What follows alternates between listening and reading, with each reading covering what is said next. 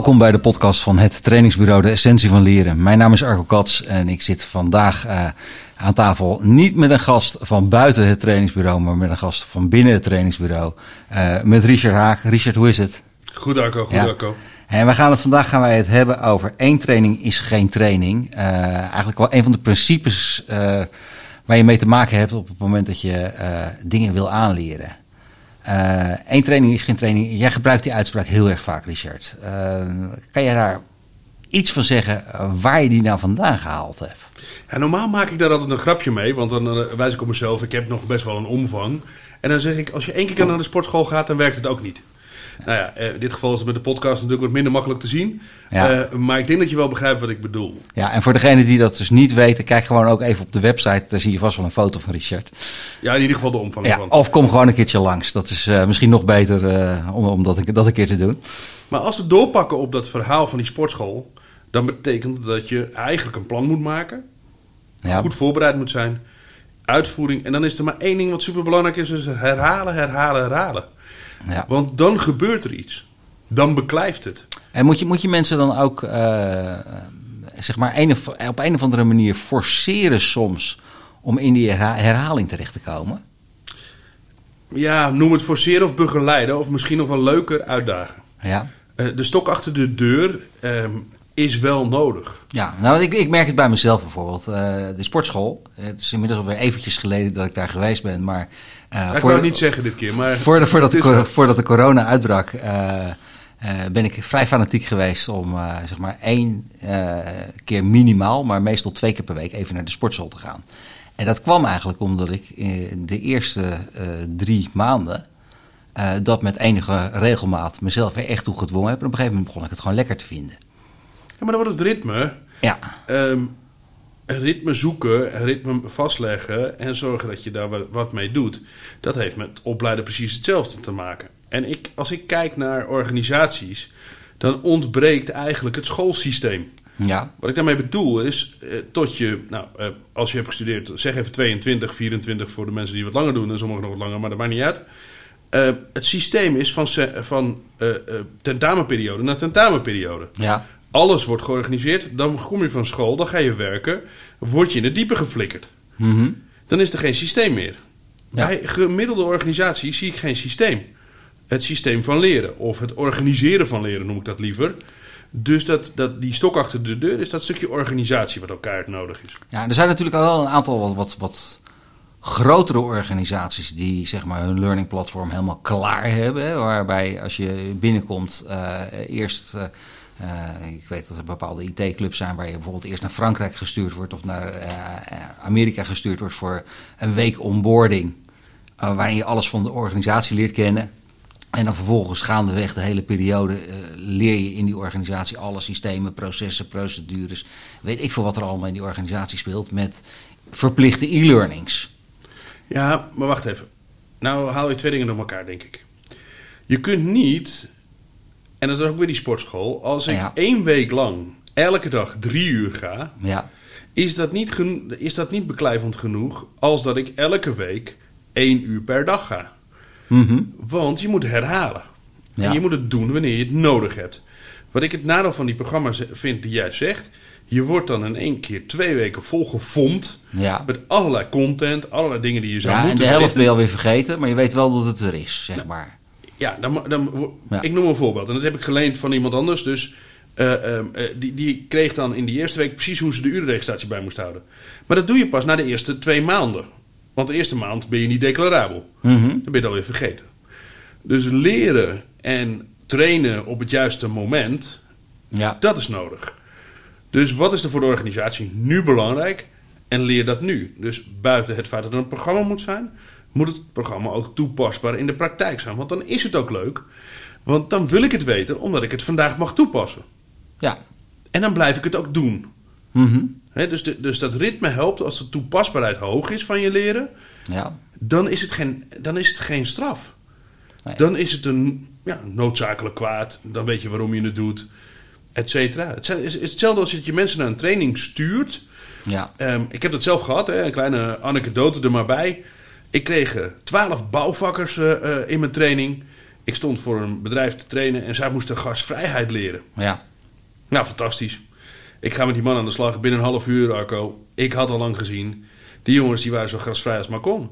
Die hadden hun eigen schoentjes, zoals je dat in een zwembad hebt, over je schoenen heen, van die plastic dingetjes. Hadden ze zelf gekocht, want ze konden toch niet met hun vuile schoenen binnenkomen bij de klant. Of bij de bewoner, hè, bij hun. Ja. Ik ben, na een uur heb ik gezegd, jongens, waarom denken jullie dat jullie hier zitten? Ja. Ja, toen zeiden ze, ja, dat weten we eigenlijk ook niet. Daar krijg ik het niet aangeleerd. En dan wordt het een straf. Ja. En toen ben ik gaan schakelen met wat de echte reden was. En toen was het begrip van, de samenwer van het samenwerkingsverband. Wat kan er wel, wat kan er niet? Mhm. Zij hadden niet door binnen welke omgeving ze mochten werken. Toen we het daarover gehad hebben, gingen ze allemaal aan. Super kerels om mee te trainen. Maar daarvoor, als trainer, heb ik me echt het zweet op de rug moeten werken. ik kan me heel goed voorstellen. Want, eh, zat, zat daar in die situatie dan ook zoiets dat ze zeg maar te gastvrij naar hun eh, klanten waren, waardoor je op een gegeven moment zeg maar eh, over een bepaalde zakelijke grens heen kan gaan? Nee. Bij hun was dat niet van toepassing. Nee. Er was wel iets anders leuks aan de hand, want het waren twee bedrijven die eenzelfde soort contract hadden. Ja. Het ene bedrijf zei: Als je er bent, schroef dan ook even het raam dicht. Als die mevrouw dat vraagt. Dus doe dat Ja. extra dingetje maar gewoon. Want de tweede keer er naartoe rijden is duurder dan dat je het even meeneemt. Dus die Ja. jongen die had een auto vol met spulletjes.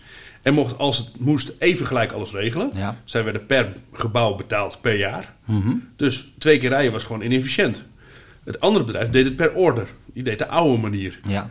Die hadden dus geen spulletjes. Dus er was een frictie ook tussen de soort, de service. Ja. Ja, super interessant. Maar allebei werkten ze binnen hun verhaal super gastvrij. ja. Maar Niet als de, te. als de een dit verhaal heeft en de ander heeft dat verhaal, dan ben je natuurlijk niet eh, uitwisselbaar. Ze hadden allebei een andere wijk. Dus dat valt Ja. reuze mee. Alleen ehm, ze leerden hier dus heel erg van elkaar dat gewoon het systeem allebei anders was. Ja.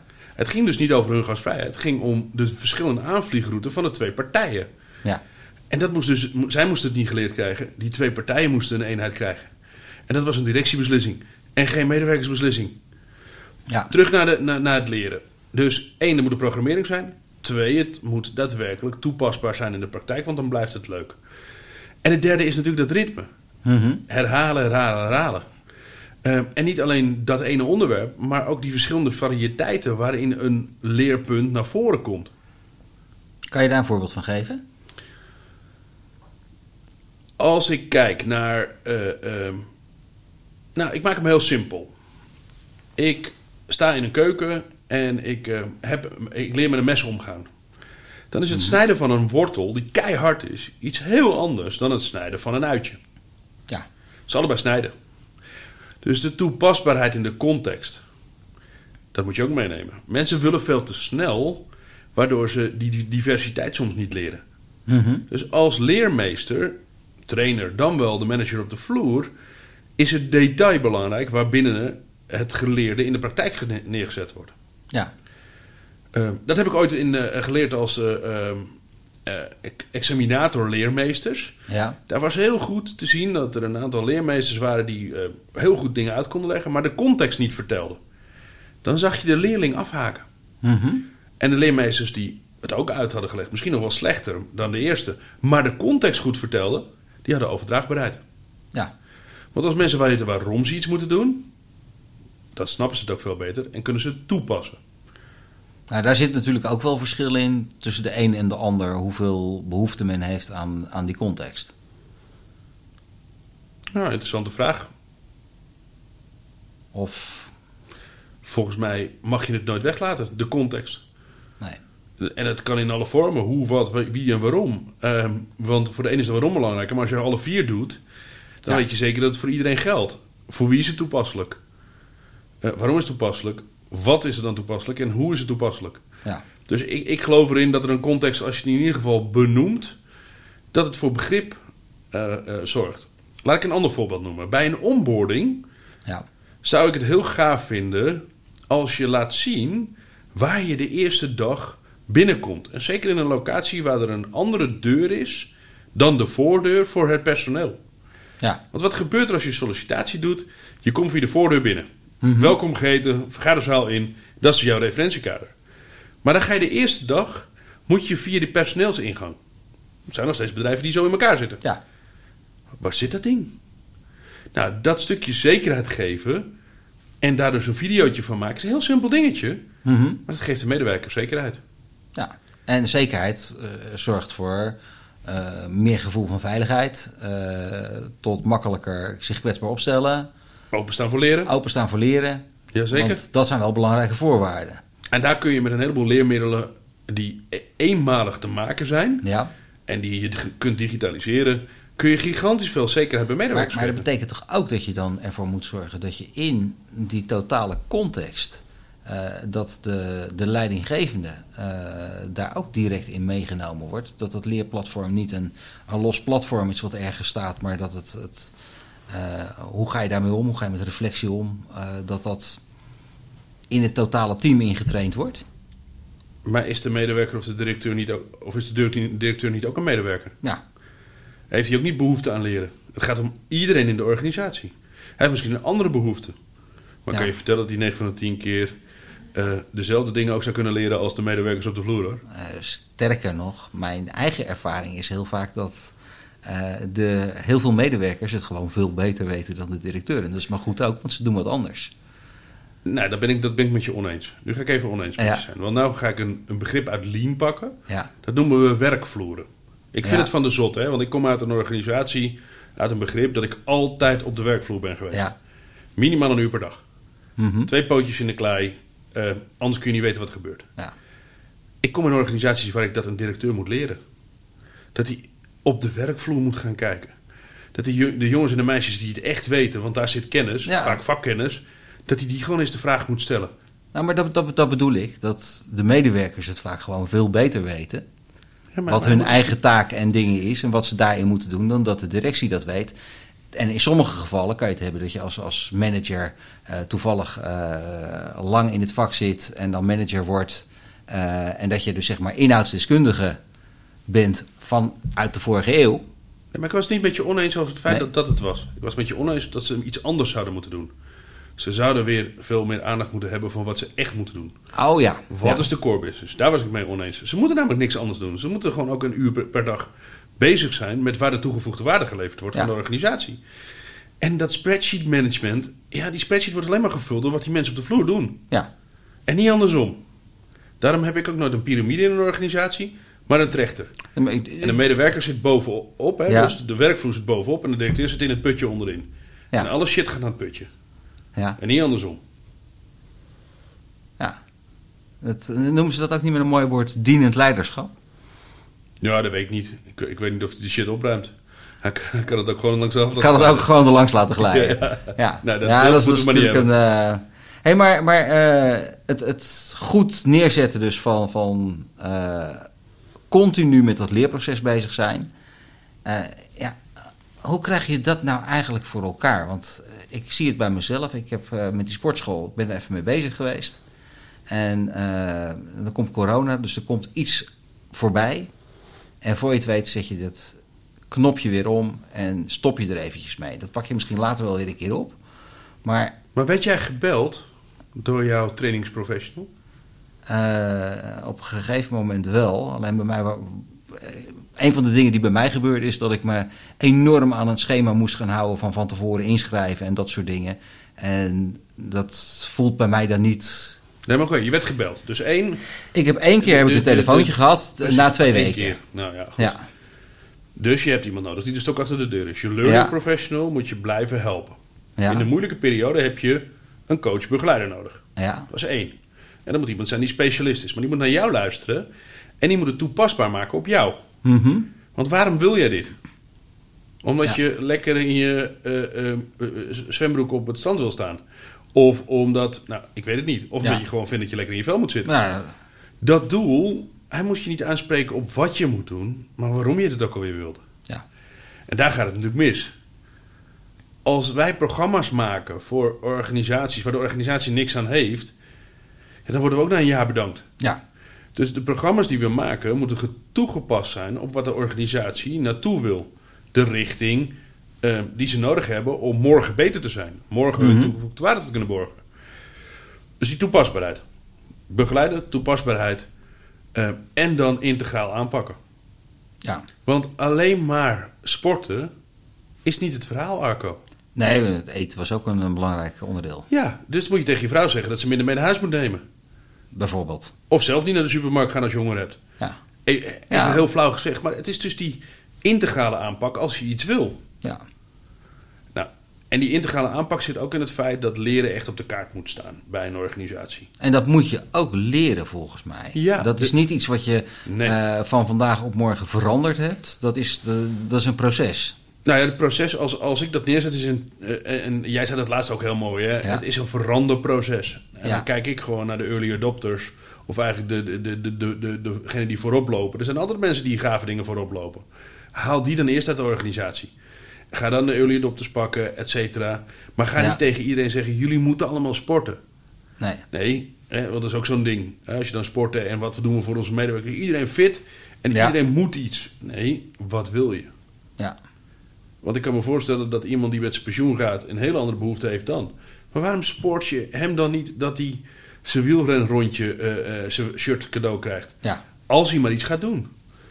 Ehm, in het voorbeeld van sporten. Maar zo gaat het ook met leren. Mhm. Want heel vaak zie je dus bij de oudere garde... Ja, nou ja, maar ik ben wel uitgeleerd. Maar wacht even. Zou jij niet misschien iemand iets anders iets kunnen leren? Mhm. Want je weet het, hè, degene die iemand anders iets leert, leert zelf het meest. Ja. Dan zijn ze toch in het leerproces. Mhm. Maar als je daar slim naar kijkt, dan pas je programma erop en pak je het integraal af aan. En hoe zorg je er dan voor dat als je met dat leren zo bezig bent, dat je ook nog gewoon je werk blijft doen? Ah, Dat is voor mij een hele rare vraag. Want als die organisatie lerend is, dan ben je Ja. er elke dag mee bezig en elk uur. Ja. En dat komt door de methodes van eh, eh, stand-ups, reflectie, scrum. Al die methodes zit lering in. Ja. Alleen bij heel veel organisaties zit er niks van dat in. Een evaluatie is voor mij ook leren. Hè? Ja. Leren wordt soms te eng gezien.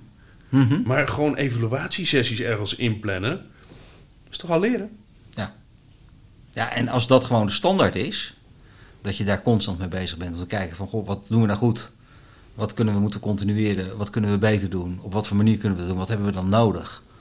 En hebben we dan daar hulp bij nodig? Ja of nee? Kunnen we dat zelf?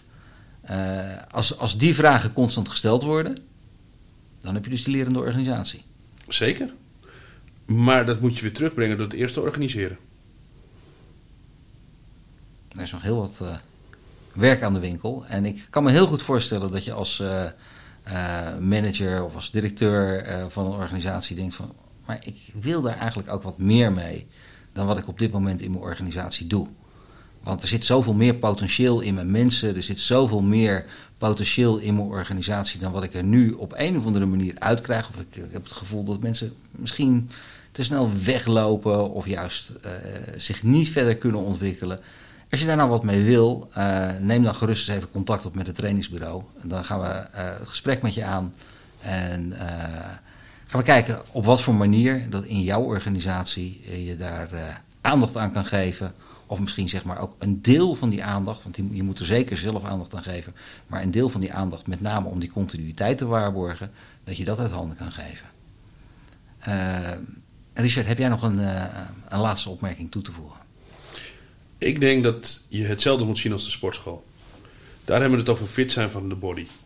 Ik denk dat je, als je het hebt over mentale fitheid, het op dezelfde manier moet organiseren. Ja, en zo eh, zien we die fitheid, aandacht geven, continuïteit en vooral ook lekker daarvan genieten. Dankjewel voor het luisteren naar deze podcast en eh, graag tot de volgende podcast.